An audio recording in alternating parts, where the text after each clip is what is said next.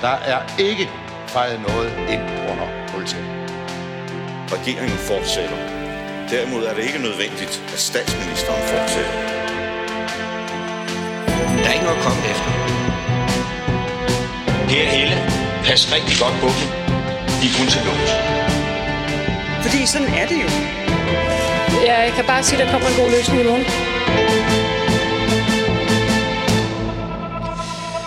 Velkommen til Ministertid, programmet, hvor en forhenværende minister interviewer en anden forhenværende minister.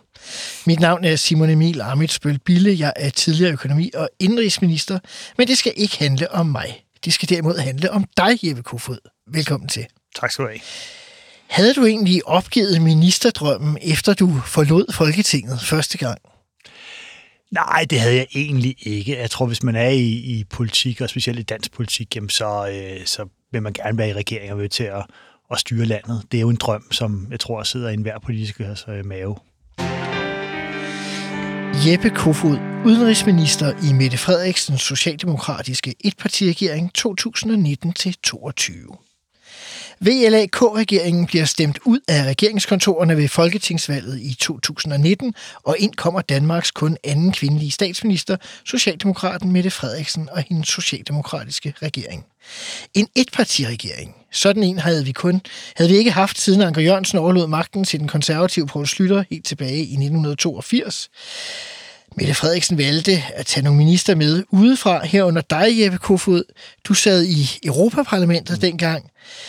Hvordan foregik udnævnelsen? Jamen, jeg var jo lige blevet genvalgt til Europaparlamentet. Der var valg i maj måned til Europaparlamentet, og så kom folketingsvalget den 5. juni måneden efter. Og var, havde selvfølgelig været på Christiansborg den dag, jeg var taget tilbage til Bruxelles, for jeg havde nogle ærner. Fordi du havde været til valgaften? Og sådan Nej, jeg, jeg var, der var, havde været, der var gruppemøde, og mm. der var også ledelsesmøde efter øh, valget. Og der var jeg, jeg var gruppeformand dernede for Dansk Socialdemokrater blandt, blandt andet. Og der var jeg nede hjemme for ligesom at være med i det, øh, og fornemmede jo godt, at, at øh, nu skulle vi til at danne regering, og der var jo også forhandlinger om øh, eller med partierne, forståelsespartierne om, om øh, hvordan en regering kunne, øh, hvilket politisk grundlag en regering kunne hvile på. Så, så jeg var taget tilbage til Bruxelles, fordi jeg havde noget andet, jeg skulle sige farvel til en kollega, øh, som stoppede, fordi der var, det var, i Bruxelles var der også skiftetid i parlamentet. Fordi der jeg lige havde været, ja. ja. Øh, en god, god kollega, en tysk øh, parlamentariker. Øh, så, så var jeg taget hjem efter det arrangement, og så øh, ringede telefonen ret øh, tidligt på aftenen, vil jeg sige, altså ved en halv tiden, tror jeg det var. Og, øh, og så var det jo den kommende statsminister, Mette Frederiksen, som, som spurgte, om jeg havde øh, lyst til at være Danmarks udenrigsminister. Og det øh, måtte jeg jo øh, efter kort overvejelse sige, ja, det har jeg. Aha. Var du overrasket over at blive ringet op der?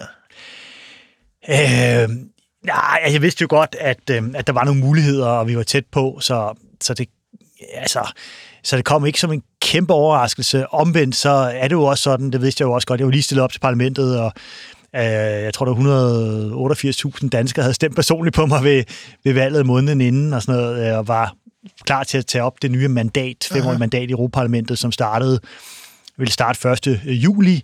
Øhm, så så det, det kunne være, at den overvejelse indgik også, men, øhm, men selvfølgelig, altså jeg var stillet op for at tjene Danmark i Europaparlamentet, og nu blev jeg så valgt af statsministeren til at tjene Danmark som øh, Danmarks øh, udenrigsminister. Det er nærmest en øh, gentagelse af Kjell Olesen fra 1979, det er rigtigt. Ja, der også blev, øh, blev valgt til ja. Europaparlamentet og blev udenrigsminister. Præcis, præcis. Øh, synes du, var der nogle af dine vælgere, der var utilfredse egentlig med, at du så... Øh skred fra, fra det, du egentlig havde stillet op til? Ej, jeg tror ikke, jeg tror godt, øh, ej, jeg oplevede faktisk kun, at, at det at øh, blive udnævnt som udenrigsminister for Danmark og, og skulle tjene Danmark, det var der stor forståelse for. Altså man kan sige, øh, altså lidt groft sagt, om man tjener Danmark som medlem af Europaparlamentet, eller man tjener Danmark som udenrigsminister. Man tjener jo Danmark, så har man selvfølgelig også en partibaggrund, ikke? det er klart. Ja. Øh, men øh, men øh, det, det var der stor, stor opbakning til. Øhm, og selvfølgelig kan jeg godt forstå, at der har været mange debatter om, om politikere, der stillede op til Europaparlamentet, og så... Øh, heller ved noget andet. Ja, heller ved noget andet. Men der vil jeg så sige, der skal man bare huske på, jeg stillede jo ikke op til Folketinget. Jeg stillede op til Europaparlamentet, blev valgt, øh, vi fik et godt valg, Socialdemokratiet gik frem til det valg. Øh, så var der folketingsvalg øh, måneden efter, øh, og her kunne vi så danne regering. Jeg stillede ikke op, men jeg blev bedt om at indtræde i regeringen. Uh-huh. Så jeg synes, jeg kom ind med et trods alt et folkeligt øh, mandat, selvfølgelig ikke fra, til Folketinget, men, men sådan set øh, efter at have været igennem en, en ret omfattende øh, valgkamp til Europaparlamentet. Og det er vel egentlig også øh, okay at tænke, at europaparlamentarikere også kunne være nogle af dem, man generelt bruger som minister. Dan Jørgensen og andre vil også øh, hedde hjem. Øh. Ja, og jeg synes ja. faktisk også, det er vigtigt, at øh, der kan være sådan en vekselvirkning, at man kan sidde i Folketinget, man kan være minister, man kan sidde i Europaparlamentet. Øh, Bertel Hårder har jo også gjort det, for eksempel. Der, der er mange ja. eksempler. Øh, Henrik Dam Christensen. Der er mange. Øh, og og det, det tror jeg er vigtigt, det der med, at, at vi øh, ikke betragter øh, EU og Europaparlamentet som noget uden for dansk politik, men som en del af dansk politik, ligesom mm. kommunalbestyrelser og regionsrådet også er det. Havde du været involveret i øh, udarbejdelsen af de udenrigspolitiske afsnit i regeringsgrundlaget inden, eller det europapolitiske? Eller? Jeg vil sige, at øh, det europapolitiske, der havde jo stået spidsen for et program, som jeg også præsenterede sammen med øh, daværende oppositionsleder Mette Frederiksen. Ja, altså øh, for Socialdemokratiet. Præcis, som, parti. ikke, som jeg havde skrevet ja. øh, sammen med et udvalg i Socialdemokratiet. Øh, og så det kunne jeg også godt se i regeringsgrundlaget. Det er bare i den grad præg af, at, at der var kommet mærkesager igennem. Så det var jeg glad for. Mm-hmm. Det var klimakamp, det var kamp mod øh, skattely og hvidvask, det var et, et Europa, som, øh, som kæmper for vores værdier. Og sådan noget. Så det var godt. Det var godt. Uh-huh. Talte de så om, da du så øh, blev udnævnt, talte de egentlig om, hvad, for en, hvad skulle der ske med udenrigspolitikken, eller er det mere bare sådan, vil du være minister, ja eller nej, videre? Jeg skal ringe til, til en masse andre. Nej, jeg tror lige den aften, så, så var det mere, øh, at, at øh, der var det sådan set selve posten. Øhm, og så har jeg jo ikke, altså jeg har jo arbejdet med udenrigspolitik i mange år, så, så øh, man kan roligt sige, at, at statsministeren vidste jo godt, at, øh, at hun fik en udenrigsminister, som, som kendte stoffet, ikke? Øh, og som også havde været udenrigsordfører og formand for udenrigspolitisk nævn i Folketinget og siddet i Folketinget i mange år. Så det var ikke sådan, det var, det var sådan for mig øh, egentlig et drømmejob, men også noget, jeg var forberedt på i virkeligheden. Og hvad ville du så gerne, da du så tog, drog over på asiatisk plads og satte dig på kontoret? Jamen, jeg vil gerne have, at Danmark, trods vores lille størrelse, knap 6 millioner mennesker, blev en, øh, et land, som var kendt for at engagere sig, også værdipolitisk i verden, for menneskerettigheder, for demokrati, for klimakampen. Øh, et land, hvor man, øh, hvor man indgiver alliancer, øh, og vi kom tilbage igen og, og fik en, en, en, jeg vil sige, en aktiv udenrigspolitisk rolle. Øh, det vil jeg gerne øh, vise, øh, og øvrigt også en af de ting, som jeg lavede i min tid, det var så også en ny udenrigs- og sikkerhedspolitisk strategi mm-hmm. med mhm. værdikompas, fordi det var vigtigt for mig, Øh, altså, jeg er sådan skruet sammen, at der, der er jo kun en udenrigsminister i Danmark, og den person, der er betroet det job, har øh, en særlig ansvar, fordi der er jo andre, der ikke er det, som kunne løfte, hvis de fik lov, men der er, en, der, der er kun en, der får lov til at løfte, og det skal man bruge til at, til at gøre en forskel, ellers så er det lige meget. Uh-huh. Der var lidt kritik af, at det sådan blev til en socialdemokratisk udenrigspolitik. Øh, altså, nu vil vi måske nærmest sige mere end en dansk. Det ved jeg måske lidt strengt sagt, men forstå mig ret. Hvordan opfatter du den kritik? Ej, jeg tror, jeg prøvede også at, at øh, sådan tilføje nogle flere socialdemokratiske værdier, øh, udover dem, der var i, man kan sige, der var nogle i forvejen. Min forgænger kom jo fra et andet parti, Liberal Alliance. Min daværende partifælde. Ja, præcis, din daværende øh, partifælde, øh, og, og det var super fint. Men jeg havde også behov for, eksempelvis når det galt på handelspolitikken, så lavede jeg et forum, hvor jeg også inviterede fagbevægelsen med ud over øh, virksomheder og arbejdsgivere, øh, så vi kunne lave nogle ting sammen, øh, så det løftede det sociale ansvar i vores handelspolitik, arbejdstagerrettigheder for eksempel. Og det kalder jeg jo så også socialdemokratisk værdi at gå ind med det, som vi har formet vores velfærdssamfund, altså det det klassiske samarbejde mellem fagbevægelse, arbejdsgiver, regeringer og så videre, folketing, det vil jeg gerne løfte med ind. Øh, så det, det var en af de ting, jeg, jeg, jeg gjorde. Øh, så det ikke kun var frihandel, men også færhandel, for eksempel. Det, så det, så, så det, og det blev nogen meget sur over, at jeg brugte ordet at bringe nogle socialdemokratiske værdier ind. Jeg tror, vi alle sammen bringer nogle værdier ind, men jeg sagde faktisk også til, på min tiltrædelse, til min tiltrædelse overdragelse fra, øh, Anders Samuelsen, at, øh, at Danmark var for lille land til at, en udenrigs, eller til at have to udenrigspolitikker. Vi skulle have en udenrigspolitik, og så må Aha. vi arbejde sammen om det. Og det har jeg så også prøvet at efterleve praksis. Aha. Hvordan blev du taget imod øh, over i ministeriet? Var de, var de glade for at se dig? det håber jeg. Det virker altså, jo altid sådan, du gør det ikke det? Du har du selv været minister, ja. øh, så du ved, hvordan det er. De er altid glade for at se det det. en ny minister. øh, men altså, jeg vil så også sige, at, at jeg, jeg kendte jo godt øh, Udenrigsministeriet og området. Jeg har jo arbejdet med det mange år. Og også mange af de mennesker, som så stod for, foran mig den, den øh, dag, øh, uh-huh. da jeg blev udnævnt, øh, jamen, eller da overdragelsen fandt sted, det var, det var folk, jeg har mødt igennem øh, et langt liv også. Så, så man kan sige, så det var, det var faktisk det var sådan en med, ja, nu skal man ud og gøre en forskel, og her står der et suverænt stærkt team, og jeg har altid været stolt af vores udenrigstjeneste, trods at øh, skiftende regeringer har skåret øh, alt for meget øh, ned i den, så ja. vi er blevet meget mindre end, end de lande, vi normalt samarbejder, øh, sammen, sammenligner os med. Men, øh, men de folk, der løfter i udenrigstjenesten, det ved jeg, de gør de kanon godt. Hvad med i Socialdemokratiet? Det er sådan et spørgsmål, jeg ofte stiller, når der er ministre, der bliver taget uden for folketingsgruppen mm. og ind. Altså, kunne du mærke, at der var nogen, der tænkte, hvorfor fanden skulle han også lige ind og, og have en minister på, så er der jo ikke øh, plads til... Ja, jeg tror helt sikkert, der er mange øh, sådan nogle øh, spekulationer og reaktioner. Uh-huh. Jeg tror bare, altså stadigvæk, man, altså man kan huske lidt, jeg er jo ikke, jeg er ikke sådan fremmed for folketingsgruppen, vel? Jeg har siddet der i 14 år faktisk i Folketinget, og øh, forlod faktisk en af måske Danmarks bedste valgkredse, øh, Bornholm, ja. øh, for jeg havde fået der i 2011, havde fået Danmarks relativt personlige bedste valg øh, for at stille op til Europaparlamentet, fordi jeg gerne vil Europa. Øh, og Helle thorning Schmidt, der var statsminister på det tidspunkt, lige blev statsminister, hun spurgte mig, om jeg ikke ville være spidskandidat dengang. Ja. Så jeg havde jo så, så jeg arbejdede med partiet og stillede op, når, øh, når der var brug for mig. Øh, og det gjorde jeg så også her. Ja. Øh, men der skal jeg, jeg skal ikke udelukke, at der sidder enkelte, som tænkte, nej, nej. det var der også...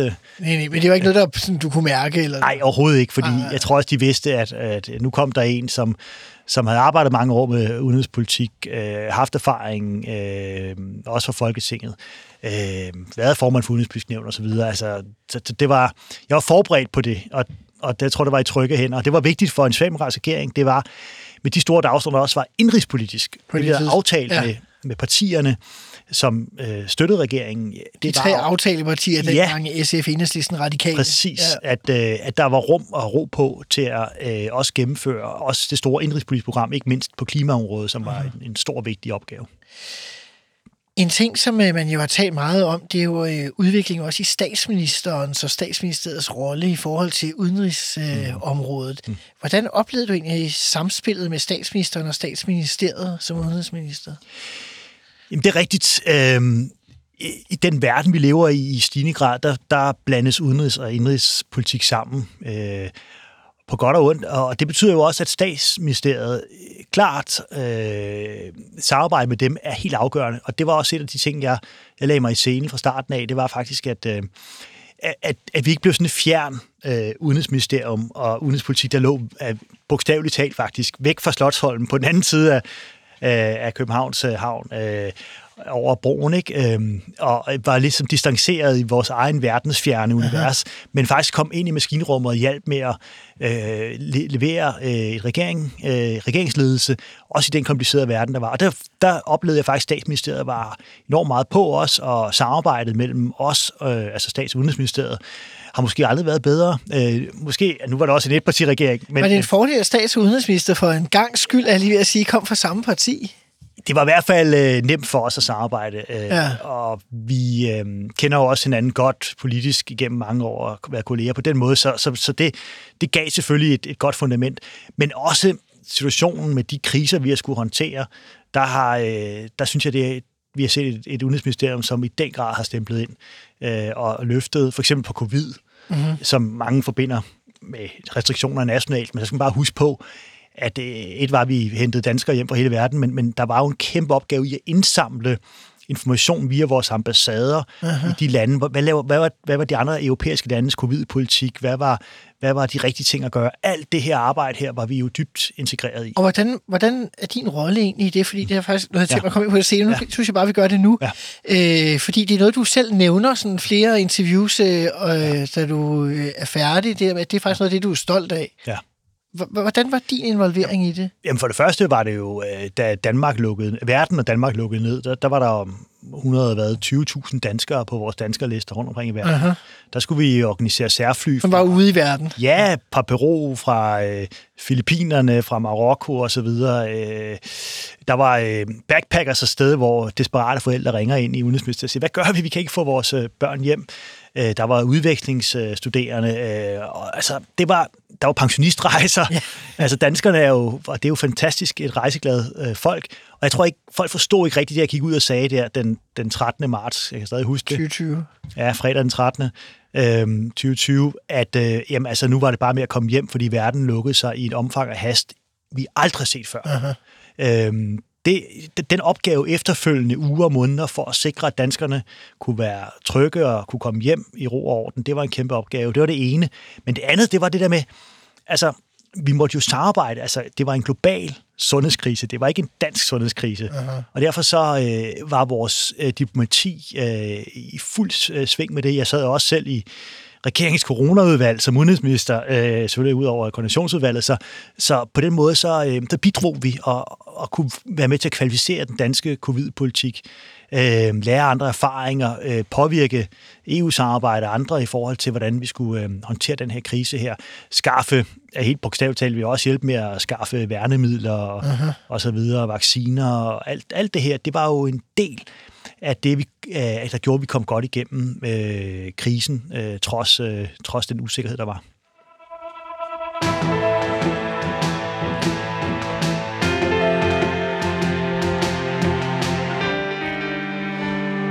Vi starter med en sag, som jo i virkeligheden øh, er i slutningen på mange måder af din øh, udenrigsministertid, Jeppe Kofod. Den øh, 24. februar 2022 angriber øh, Rusland Ukraine. Øhm, kan du huske, hvor du var, da, da du ligesom får det at vide? Det kan jeg i hvert fald. Jeg var hjemme for en gang skyld øh, hos min familie. Øh, det var øh, meget tidligere om morgenen eller sent om natten i 4-5-tiden. Jeg blev vækket. Øh, der ligger beskeder på min telefon, og jeg blev ringet op af, af faktisk, og det vil jeg så sige, jeg bliver vækket af min særlige rådgiver. Øh, det er jo, det er jo øh, meget sjovt, men, men i hvert fald, øh, og, og så får jeg at vide, at det, som jeg egentlig var forberedt på, det var så øh, sket, nemlig at at russiske kampvogne var rullet ind over grænsen for Belarus, og der var angreb fra alle fronter, øh, øst, syd øh, og så videre, øh, nord fra Belarus øh, ind i Ukraine. Øh, og så tænker jeg, så er det nu. Nu er, nu er der krig mellem Rusland, en atommagt, verdens geografisk største land, som prøver så at invadere Ukraine, som jo er geografisk øh, Europas største land, og, og et land, som øh, i den grad har været i konflikt med Rusland, øh, ikke mindst siden 2014. Så jeg var, jeg var, øh, jeg var faktisk dybt frustreret. Jeg tænkte, det her, det er, det her, det er jo et, øh, det er jo et, et tektonisk skift, et, et paradigmeskift, vi kommer til at opleve nu. Altså, hvem havde troet, vi skulle opleve den form for krig på europæisk kontinent? Ja. Øh, det er jo noget, vi så tilbage i 2. verdenskrig, der har været rasler på Balkan og så videre, det er jeg helt med på, men, men den her form for øh, krænkelse af suverænitet, at et land forsøger at erobre et andet land øh, i den skala, vi ser. Det var, det var så chokerende. Så jeg kan huske, at jeg, jeg stod op, og så havde selvfølgelig en masse samtaler, og så da mine børn vågnede, så sagde jeg til dem, at øh, ja, nu, skulle, nu fik jeg travlt igen igen. øh, men, øh, og de kommer ikke til at se så meget til mig den kommende tid, fordi øh, Rusland har startet en krig. Øh, men øh, de skulle ikke være bekymrede. Der var ingen trussel mod Danmark. Der var ikke ingen grund til at være utryg som dansker eller som os. Men, øh, men vi er selvfølgelig nødt til at gøre alt, hvad vi kan for at få, øh, for, øh, for, for stoppet den her krig her. Det var sådan set det, der var budskabet. Og så tog jeg ellers ind i Udenrigsministeriet ved syvtiden om morgenen øh, til det første øh, sådan samlende statusbriefing på på situationen. I Udenrigsministeriet? I Udenrigsministeriet, ja. ja. Bare lige til at rulle tiden øh, lidt tilbage. Jeg var inde og se også nogle mm. interviews med dig i dagene, sådan mm. op til, øh, var ja. du ude og sige, at man talte jo faktisk om, at der var en vis sandsynlighed for, ja. at den her krig uh, kunne komme. Dengang jeg fandt en interview med dig, hvor du siger, at det nok mest bliver økonomiske sanktioner, eller sådan noget, det vi skal ind i, men man kunne mm. ikke forudse, hvor ja. det ville ende.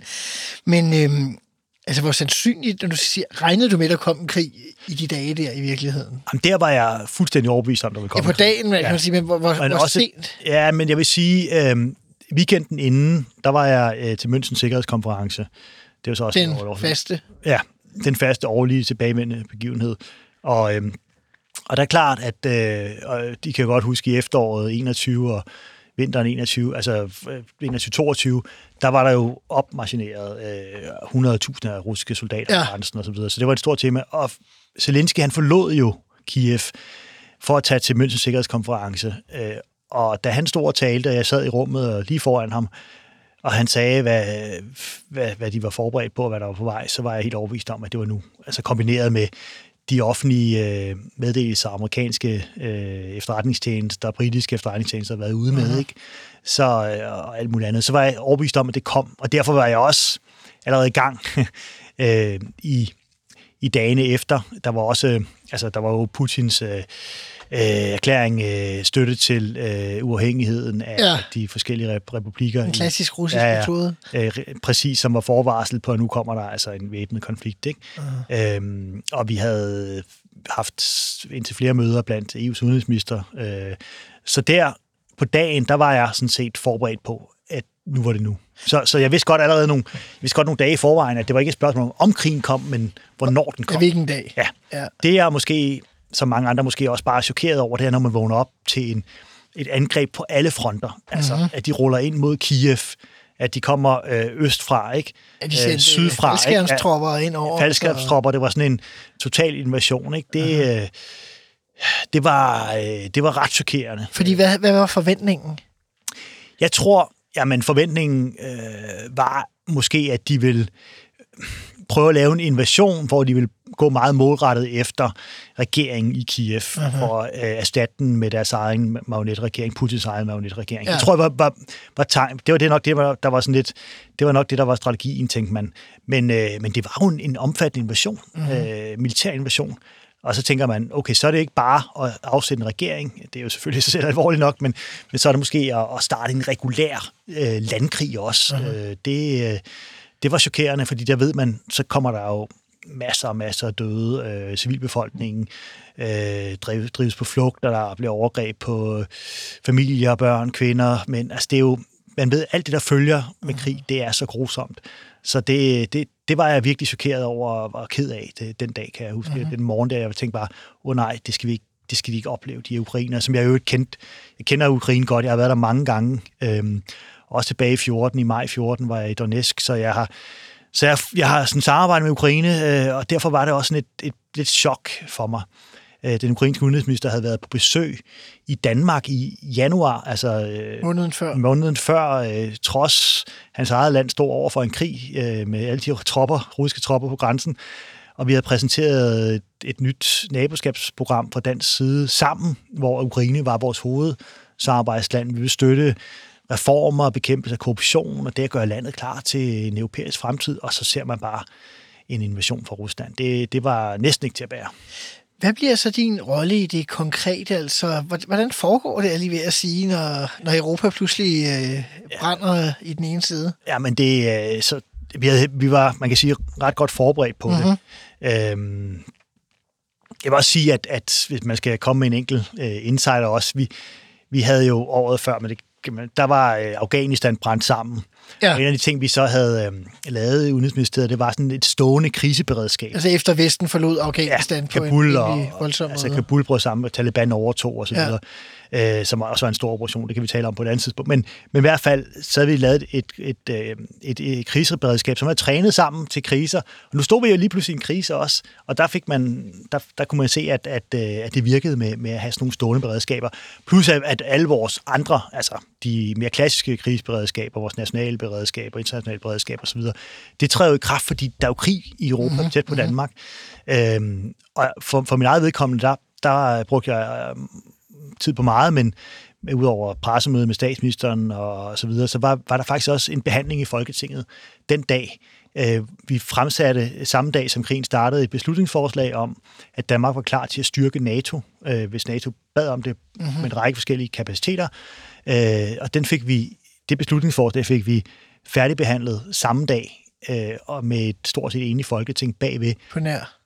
På, ja, der var noget enhedsliste, ikke? Men, ja. men i hvert fald... Øh, så, så var der opbakning til, at hvis NATO skulle komme og bede om forstærkninger, ikke at gå ind i krigen, men forstærkninger af NATO-lande, uh-huh. så var Danmark klar til bidrag. Så skulle vi ikke tilbage til Folketinget og spørge. Øh, og spørge, så var vi klar. Altså hvis man skulle hjælpe nogle af frontlinjestater? Ja, hvis de baltiske lande ja. eksempelvis havde brug for, at øh, vi sendte nogle øh, fly afsted til at øh, håndhæve deres øh, luftrum, øh, deres suverænitet, eller vi skulle have nogle frigatter ind i Østersøen, eller sådan noget, så var vi klar til det, fordi vi havde fået Folketingets opbakning samme dag, hvor Rusland invaderede Ukraine. Det var et vigtigt signal om alliancesolidaritet og rettidig omhu, øh, også selvom de ikke selvom, også selvom NATO ikke ville bede om alle de der ting, vi var klar til at stille til rådighed, så havde vi muligheden for at, at sige ja, hvis de gjorde det.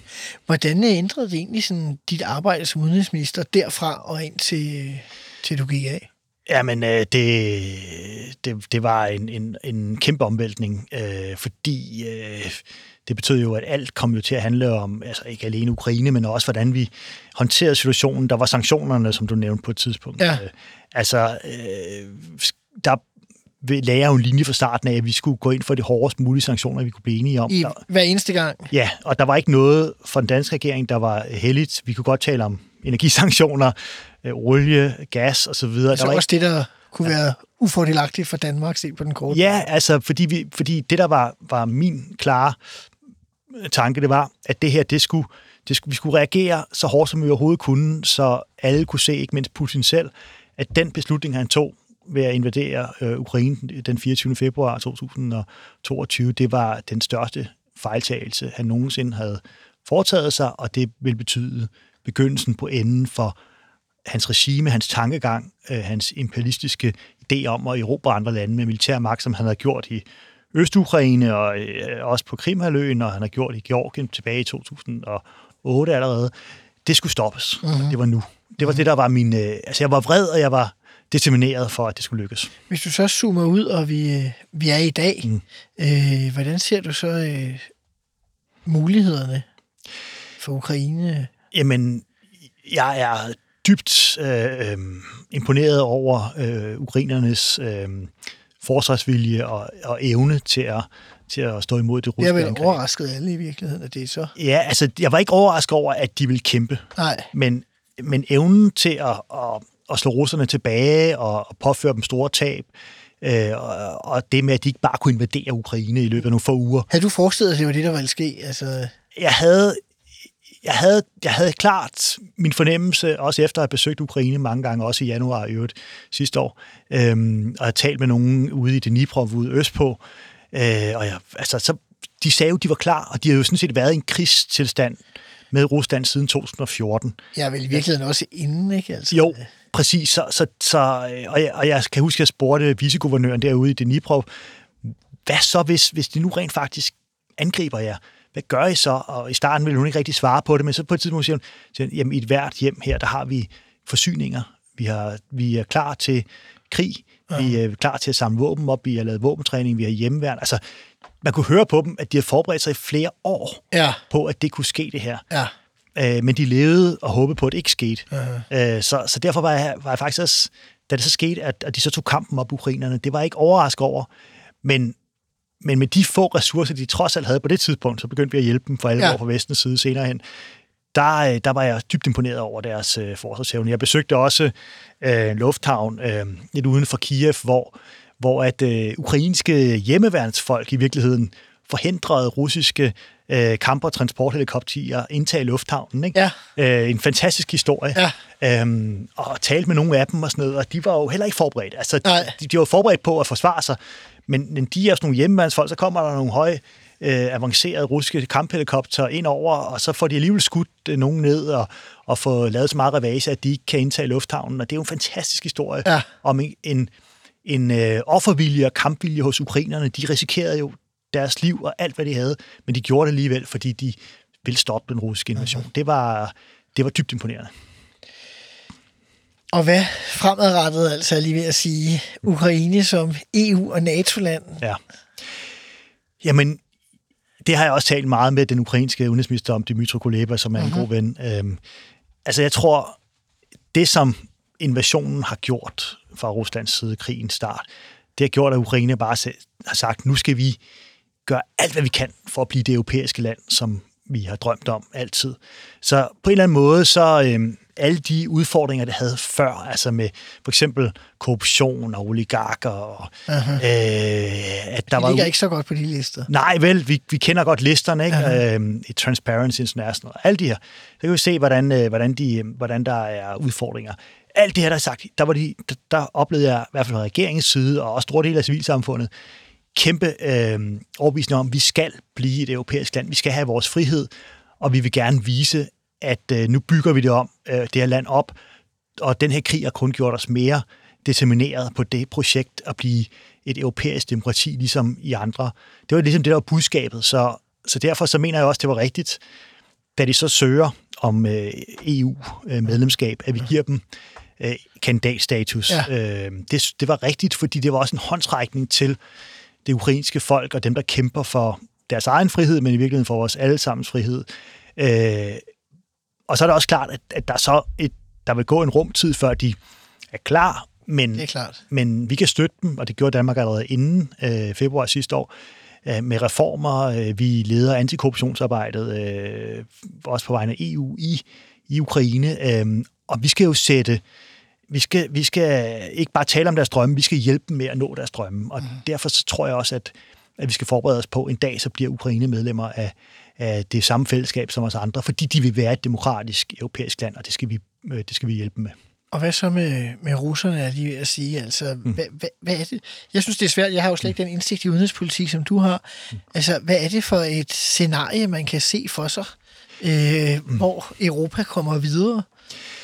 Jamen, jeg tror, det som, det, som er så øh, vigtigt med Rusland, øh, det er, at de stopper med at have en anden idé om at lade, have sådan en øh, imperialistisk tankegang om, mm. at, at de skal udvide deres territorium med brug af militær magt, eller ved trusler, eller den her intimiderende politik. Den, det blev, man kan sige, det, det troede vi jo var lagt på hylden med den kolde krigs afslutning. Ja. Øh, da Gorbachev han gav op og så videre. Øhm, så er Putin kommet og, og nu modbevist, at øh, historien måske ikke gentager sig, men, men begivenheder rimer på noget, vi har set før. Ikke? Ja. Også i Europas historie. Øhm, så før Rusland finder ud af, at man ikke kan behandle andre lande og se stort på internationale lov og ret og overskride landets suverænitet og territorial integritet, så tror jeg at ikke, at vi kan leve fredeligt. Og derfor så skal vi bevæge dem derover, jo før jo bedre. Jeg tror personligt ikke, det bliver med Putin som præsident. Jeg tror, at, at der skal en ny ledelse til i Rusland.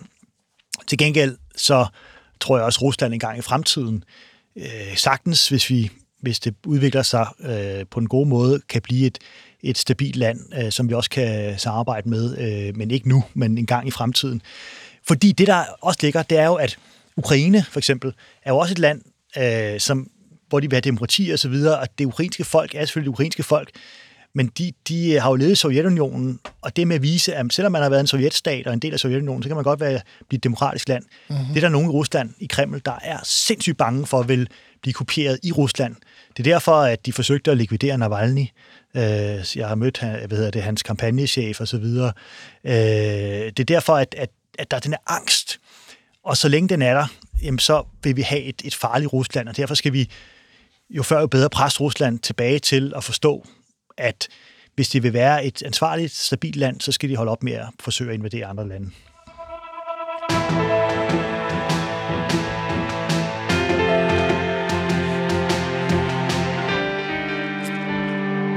Virker jo måske lidt underligt nu, efter vi har talt om øh, noget af det vigtigste i vores tid overhovedet. Men vi er kommet til det, der hedder fem faste spørgsmål, som jeg stiller alle de minister, der kommer forbi programmet, og dermed også til dig, Jeppe Kofod. Øh, det første, det er, var der noget, du gerne ville have gennemført, som du ikke nåede i din ministertid? Og det skal ikke være noget med Ukraine, tænker jeg. Nej, jeg tænker, der, der, er, er, er, der er jo meget desværre, fordi jeg blev også ramt af covid. Øhm, en af og her ting, taler vi ikke personligt, men nej, ministertid. Nej, det gør jeg også, men min okay, ministertid, jeg kunne ikke rejse, for eksempel. En af de ting, jeg gerne ville have øh, prøvet at gøre noget mere ved, det var faktisk øh, dels noget samarbejde i Afrika, øh, som blev svært, da covid ramte. Øhm, det, det, det nåede jeg aldrig. Og, altså i Nordafrika var jeg, men jeg, jeg, jeg kom aldrig rigtigt til at øh, altså for eksempel besøge den afrikanske union, fordi jeg tror på, det her med lande, de samarbejder omkring ja. at løse udfordringer. Men har vi generelt øh, glemt øh, Afrika og andre dele af verden? Altså, nu snakker vi jo meget om Ukraine og så ja, videre, men vi. Ja. ser vi, hvordan øh, kineserne og til dels russerne... Og vi betaler de... en pris for ja. det, fordi øh, når der er en... Altså, Ukraine og Rusland, kommer til at tale lidt om, det er jo kæmpe krise i Europa, og det skal vi håndtere. Men vi skal jo også samtidig øh, have det overskud, øh, overblik til at forstå, at i andre dele af verden er der nogle andre udfordringer, som vi også skal hjælpe med at løse. Ellers så kommer kinesere og russere og alle mulige andre. Øh, og jeg tror, jeg er sådan skruet sammen, men jeg tror, at, at de fleste mennesker på den jord, måske alle mennesker i sig selv, har sådan iboende ønske om øh, frihed, altså øh, kunne bestemme over, være med til at bestemme over sit eget liv.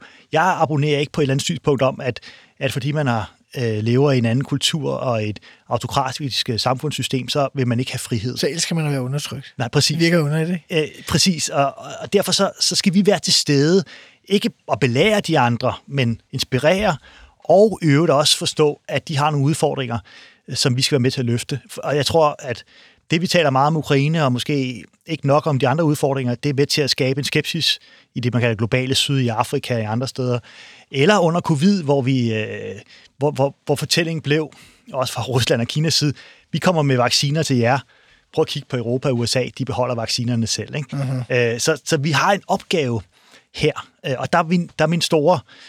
Altså det, jeg godt kunne ønske som udenrigsminister, det var, at jeg havde tid og rum til at løfte det, fordi jeg tror, vi på den måde får fremmet vores værdier, hvis vi engagerer os meget mere aktivt, om det er i Afrika, eller det er i, i Sydøstasien osv. Jeg var dog på, jeg var øh, dog rundt til Indonesien, Japan, Kina. Øh, jeg har også været i Afrika, men, men ikke nok øh, til at kunne løfte det her. Jeg har slet ikke været i, i Latinamerika for eksempel, eller Mellemamerika. Så du, altså, der, der blev nogle ting, der, der, øh, der ikke lykkedes. Og så er der, så er der også vores eget arktiske. Altså, jeg, jeg vil gerne have set, at vi havde lavet kongerigets arktiske strategi. Ja. Øh, der kom en ny regering i Grønland, og jeg har fuld respekt for, at de er ved at formulere deres egen øh, også udenrigspolitiske strategi, og det skal vi så vente på. Men jeg tror, det er vigtigt for os, at vi øh, samarbejder omkring nogle grundlæggende værdier i arktisk. Øh, fokus på fredelig sameksistens, klimaudfordringen, det at mennesker skal leve og bo øh, på en ordentlig måde sammen, og Danmark øh, løfter ansvaret her. Hvad var din ministertids værste øjeblik? Oh, øh, men jeg tror, jeg tror det, det var der var, flere, der var to, okay. hvis jeg må. Ja. Det ene var, altså den, det var den 24. februar, fordi nu var udenrigsministeren... Altså Ruslands ja, invasion af Ukraine. Han var en god ven, der lige havde besøgt mig i Danmark måneden inden, og jeg var panikangst for, at jeg ville få en besked om, at nu var Rusland, øh, soldaterne nået til Kiev, og regeringen var likvideret. Mm. Altså, det var sådan, det var jeg sådan, altså, jeg havde de billeder i hovedet, øh, som jeg ikke kunne komme af med. Så det var jeg angst for, for jeg kendte ham godt, også før han blev udenrigsminister. Uh-huh. Det andet øh, var faktisk i Afghanistan, øh, der da vi evakuerede fra Kabul, ja. øh, hvor vi... Øh, øh, hvor vi måtte øh, i første omgang, selvom vi, vi var faktisk et af de første lande, der havde et fly på jorden, et, et C-130 Hercules transportfly, militærfly i Kabul Lufthavn, så måtte det lette uden at tage øh, nogle lokalt ansatte med, fordi... Det var der meget kritik af. Ja, det var der meget kritik af. Man skal bare huske på, at øh, nogle dage senere, så vendte flyet tilbage og hentede mange af de her mennesker her. Ja. Og vi var øh, nogle af de første, vi var de første i nordiske lande til at hente vores øh, lokalansatte ud, og i øvrigt også andre diplomater fra andre nordiske lande. Og vi var faktisk det første land i verden, der, der hjalp med at få FN-medarbejdere, internationale FN-medarbejdere ud af Afghanistan, ud af Kabul. Så vi gjorde en, en kanon indsats, det også blev evalueret, men lige de dage der, øh, hvor jeg stod op på Udenrigsministeriets 6. sal, og forsvarsstaben var der alt muligt, hvor vi fik besked om, at nu måtte flyet, øh, vores C-130, det, det måtte flyve med meget få mennesker og nogle diplomater ombord, fordi det var simpelthen for farligt at være i Kabul Lufthavn, og der, så mhm. stod der nogle 100 meter væk, der stod, øh, der stod altså, jeg tror et par hundrede, eller 150 øh, folk, der skulle have været med, som ikke kom med. Uh-huh. Det var, det gjorde ondt i maven, det vil jeg sige. Men hele den her evakuering, og vi har jo ja. set billederne også af folk, der falder simpelthen af flyenes mm. Øh, landingsstel og så videre. Øh, altså hele den, mm. jeg ved ikke, hvad man kalder det, verdensorden, der nærmest opstod ved 11. september 2001 ja. og derefter, den bryder nærmest øh, sammen i to led, faktisk de to datoer, du nærmest ja. tager op øh, ja. her nu, som de værste øjeblikke for øjnene af os. Altså, det må det også, øh, ud over det personlige, frygtelige ja. osv., så må det også politisk være sådan meget voldsomt at opleve... Øh... Det er et land, vi har været engageret i i over 20 år. Det er det? Eller 20 år, og jeg har selv besøgt, jeg var valgobservatør til det første frie parlamentsvalg i Afghanistan i 2005 efter Talibans fald, uh-huh. og været der, øh, da jeg sad i Folketinget, var jeg der stort set hvert år, øh, besøgt danske soldater, men også været rundt i landet. Jeg, tro, jeg, jeg troede og håbede på, at, at de kvinder, som jeg mødte, de unge mennesker, som vil skabe en anden fremtid for afghanerne, at de vil lykkes. Men det gjorde det jo ikke. Uh-huh. Så, så der var både den, den der med, at det her, det, det var ikke lykkedes, og, og så var der den konkrete med, at der var nogle mennesker, der havde så meget desperat brug for hjælp. Ikke kun dem, som har relation til Danmark, men alle dem, der havde risikeret deres liv for at bygge et, et demokratisk øh, land op, eller et land op, som, som vil leve uden Talibans tyranni. Ikke? Øh, de, det, det brast til gro. Det var faktisk også ret hårdt. Jeg, jeg var i den grad ved siden af mig selv i de dage, kan jeg huske. Altså sådan rent politisk. Nu går jeg altså lidt uden for, for de fem faste, men vi tænker bare sådan, altså hvad, den, hvad synes du er den udenrigspolitiske lærer af, af Afghanistan? Jeg tror, der handler det også et om strategisk tålmodighed. Øh, to, at vi skal have den rigtige former for engagement. Altså vi ikke var tålmodige nok, eller hvad? Ja. Altså, jeg tror, øh, man kan ikke bare, øh, altså et land som Afghanistan, kan du ikke bare afsætte en Taliban-regering, og så tro, at øh, altså bygge noget demokrati op i løbet af 10, 15, 20 år. Det tager meget længere, og det andet så, det er de metoder, vi bruger Ja. til det. Der skal vi nok også øh, tænke meget bredere, øh, fordi pastunerne og de konservative pastuner, der relaterer sig til Taliban, var der jo alligevel, selvom at regeringen, øh, altså talibanerne, øh, var afsat fra magten. Øh, så så det, det vil være sådan en generationskamp. Øh, og sådan er det jo også i vores egen, altså vores egen demokrati er jo heller ikke, altså det har jo også udviklet sig over tid. Det må man sige. Altså kvinderne fik først stemmeret i, i 1915, ikke? Altså, Ja. det, er jo, det, det, det er jo, altså, jeg tror, vi skal, så, så strategisk tålmodighed, og så er det selvfølgelig også den måde, vi engagerer os på. Militær kan rigtig meget for at stoppe og afsætte tyranner, men, men vi, vi kan ikke nødvendigvis med militær magt øh, opbygge demokrati. Der skal mange, meget mere til.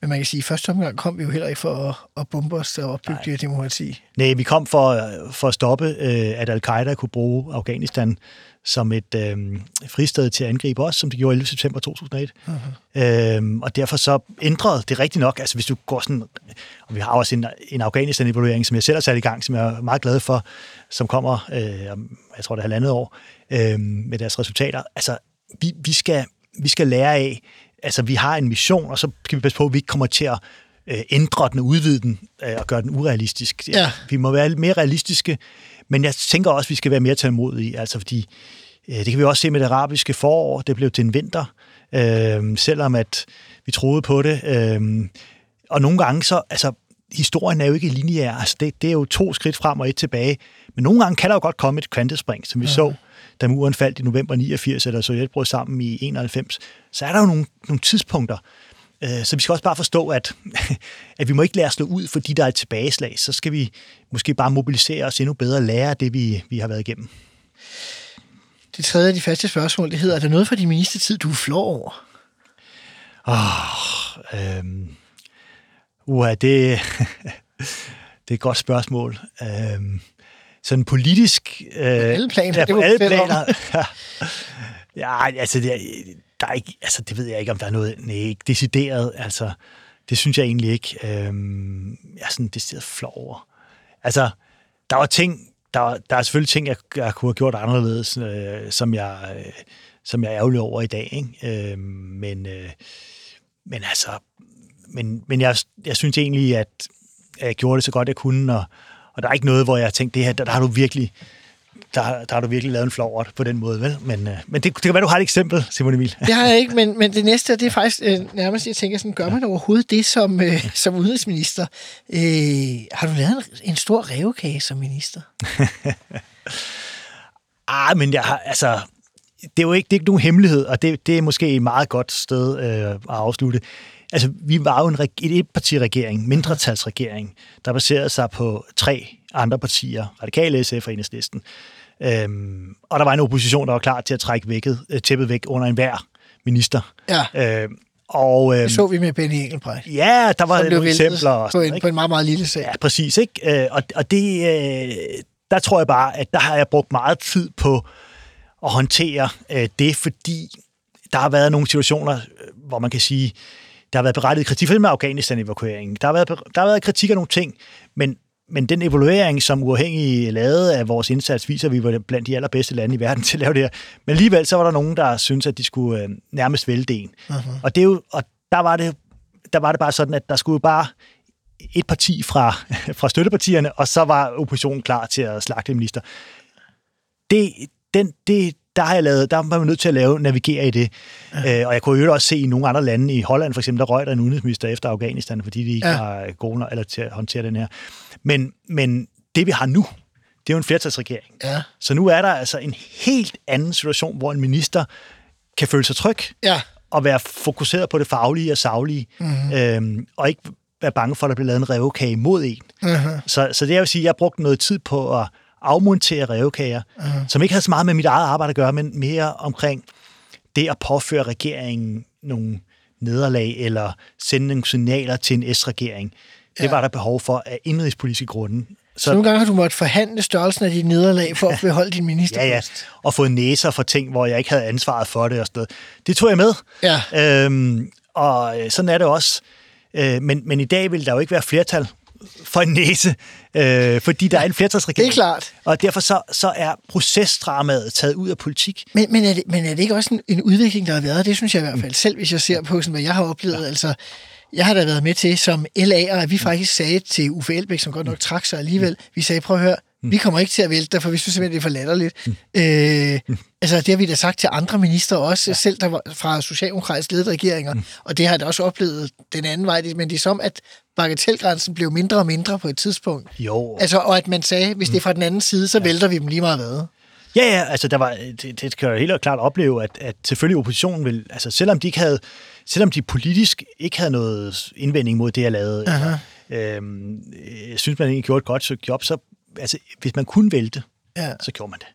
Ja. Øh, og, og så skulle der meget lidt til, øh, hvis enhedslisten eller radikale eller SF øh, nu synes, at nu skulle man lige ma- manifestere et eksempel. Og sådan noget. At nu siger jeg bare som det er, altså det, og, det, og, og det, det er så den del af politik, jeg ikke rigtig savner. Altså, jeg mener, jeg mener så også, i, Ja, jeg mener så også, at, at, at har man styr på substansen, og det synes jeg, jeg havde i de sager, der var, øh, jamen så, øh, så bliver man heller ikke væltet. Det, det er kun, hvis, der, hvis, hvis du har de facto kvaret dig øh, gjort mm. noget, som du ikke skal som minister, så skal du også væltes.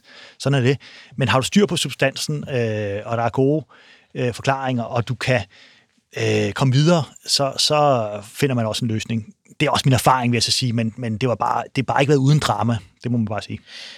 Måske fører det over til det sidste af de faste spørgsmål, som hedder, hvem var din værste kollega?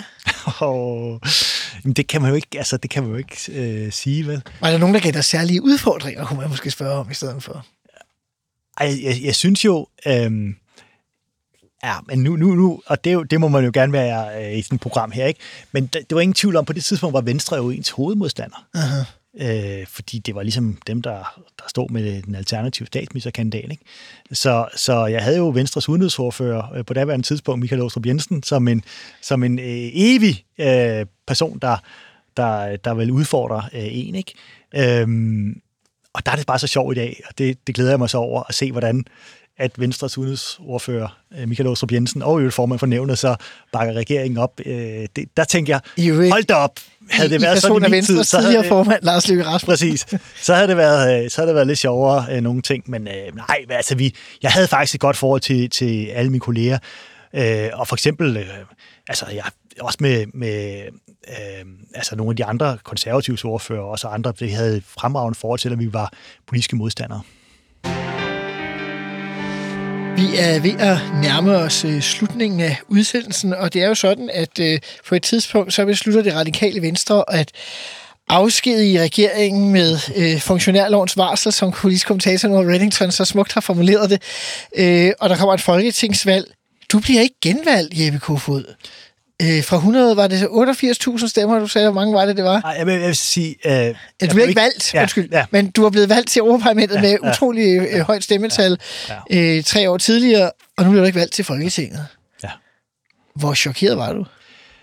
Ej, jeg var selvfølgelig rigtig ærgerlig og, og chokeret. Jeg vidste godt, der var en risiko. Det vil jeg Hvorfor? Så ikke. Jo, fordi jeg var, jeg var flyttet, jeg var stillet op i den kreds, øh, altså Ringsted Sorø-kredsen, i april måned, samtidig med, at der var krig i Europa, og jeg var nyopstillet. Jeg havde ikke været opstillet der før, jeg var ikke valgt til Folketinget. Det var en kreds, som ikke havde givet valg øh, i flere år. Øh, Role Hækkerup sad der sidst, tabte den i 15, 2015-valget, øh, og folk stemte ikke særlig personligt i kredsen, det gør de heller ikke på de andre kandidater, Nej. så jeg vidste godt, det var en mega svær kreds, men jeg tænkte, ah, det går nok alligevel. Øh, Socialdemokratiet, vi gik øh, et mandat tilbage på Sjælland fra 8 til 7, Øh, vi har lavet om på vores regler, sådan, så nogle af listestemmerne, man kunne hente i andre opstillingskreds, de tilfaldt ikke en mere. Så, så jeg var lige ved, fordi jeg blev nummer 8, øh, men vi gik mandat tilbage, Aha. og så blev jeg ikke valgt, og det var selvfølgelig rigtig ærgerligt. Men altså, øh, jeg vil så sige, den valgkamp, vi lavede, den tid, vi havde til valget, øh, samtidig med udenrigsminister, den var jeg glad og stolt af. Jeg vil ønske, at jeg bare havde haft øh, længere tid til at bygge et forhold op Aha. til, til mine vælgere i Ringsted Sorø. I hvor stort omfang tror du, at din øh, gamle sag fra 2008 øh, med seksuel relation til en ung mm. DSU'er mm. øh, betød øh, for det? Den kom jo op en gang imellem i løbet af valgperioden. Ja, og det, det kan man selvfølgelig også spekulere over. Øhm, det er klart, øh, at det er jo noget, som jeg i den grad øh, har undskyldt og, og været ked af. Øh, noget, der ligger øh, ja, så øh, 15 år øh, tilbage nu. Mm-hmm. Øhm, og jeg vil også sige, jeg har også været opstillet, som du selv nævner, til andre valg, øh, både folketingsvalg og to europaparlamentsvalg, og fået rigtig mange stemmer. Øh, så jeg tror, jeg tror, det var... Også når jeg kigger på øh, indholdet, så tror jeg ikke, at den har haft så stor betydning. Det kan godt være, at den har haft en betydning for nogle mennesker, det skal mm. jeg slet ikke kunne sige. Mm. Men, øh, men jeg tror, det er, at jeg var ny, øh, helt ny, og det er jeg, altså som udenrigsminister er du relevant for Danmark, men jeg er ikke nødvendigvis relevant for vælgerne i Ringsted Sorø. Det skal man gøre sig fortjent til. Det er jo fair nok. Jeg tænker, at grunden til, at jeg tænkte, at nu, da jeg var inde og researche, så jeg også ja. det, jeg blev mindet om, det havde jeg faktisk ja. glemt, at uh, Samia Nava fra de radikale ja. ude at sige, mm. vi vil ikke have udnævnt uh, en til udenrigsminister med den sag. Det var så derfor, de heller ikke mm. udnævnt andre til, til minister, åbenbart. Uh, altså, det er alligevel, at der kører sådan med støttepartier, der også uh, tager det op. Ja, det er rigtigt. Øhm, og der, der det har jeg bare sagt, og det vil jeg jo også bare gentage, at jamen, jeg, er jo ikke, altså, jeg har begået den kæmpe fejl i mit liv øh, for mange år siden, og det har jeg undskyldt. Og det ved danskerne, tror jeg, rigtig godt, øh, vælgerne, og, og det, er jo, det er jo så den, man er. Jeg, jeg bliver ikke en politiker, som ikke i mit liv... Øh, jeg bliver ikke sådan en politiker, der aldrig har begået fejl. Det har jeg gjort. Øhm, og så må folk jo øh, selvfølgelig forholde sig til det, og så, så har jeg fuld respekt for, at, at øh, altså, at folk kommer til en konklusion, som de gør. Altså, øh, det var forkert dengang, og det var, og det var også forkert i, i nutidens lys. Du kunne jo egentlig godt være blevet genudpeget som minister, fordi øh, det er jo ikke noget krav. Du sad jo ikke i Folketinget før. Øh, var du sikker på, at det var ministerposten af røg, da du ikke blev genvalgt? Oh, jeg tror bare, det var meget, jeg vidste godt, det var meget svært, fordi i, i forvejen var det jo en, flere, altså en regering med flere partier. Pludselig skulle der to ekstra partier i. Ja, altså halvdelen af ministerholdet, den gamle ministerhold, skulle ud. Kunne ikke være minister mere. Nej. Så, så øh, det at tage en, der ikke, der ikke var valgt til Folketinget, det tror jeg vil være meget svært. Og man har jo heller ikke, altså man har ikke taget nogen, jo nu, altså, man, altså man har ikke taget nogen, der man dannede regeringen, som ikke var altså fra, fra, fra mit parti, vel, parti som ikke var i Folketinget. Du har taget fra andre partier, jeg ja. på. Øh, så altså på den måde, så jeg vidste jo godt, at, at det så svært ud. Jeg har været enormt glad for at være udenrigsminister og tjene Danmark øh, og gjort en forskel, og jeg synes, det, øh, at vores udenrigspolitik fortjener, at, at det her område bliver taget dybt seriøst, og det har jeg i hvert fald selv gjort. Jeppe Kofod, tak fordi du ville være med i ministertid. Det var en fornøjelse. Det var en stor fornøjelse, tak.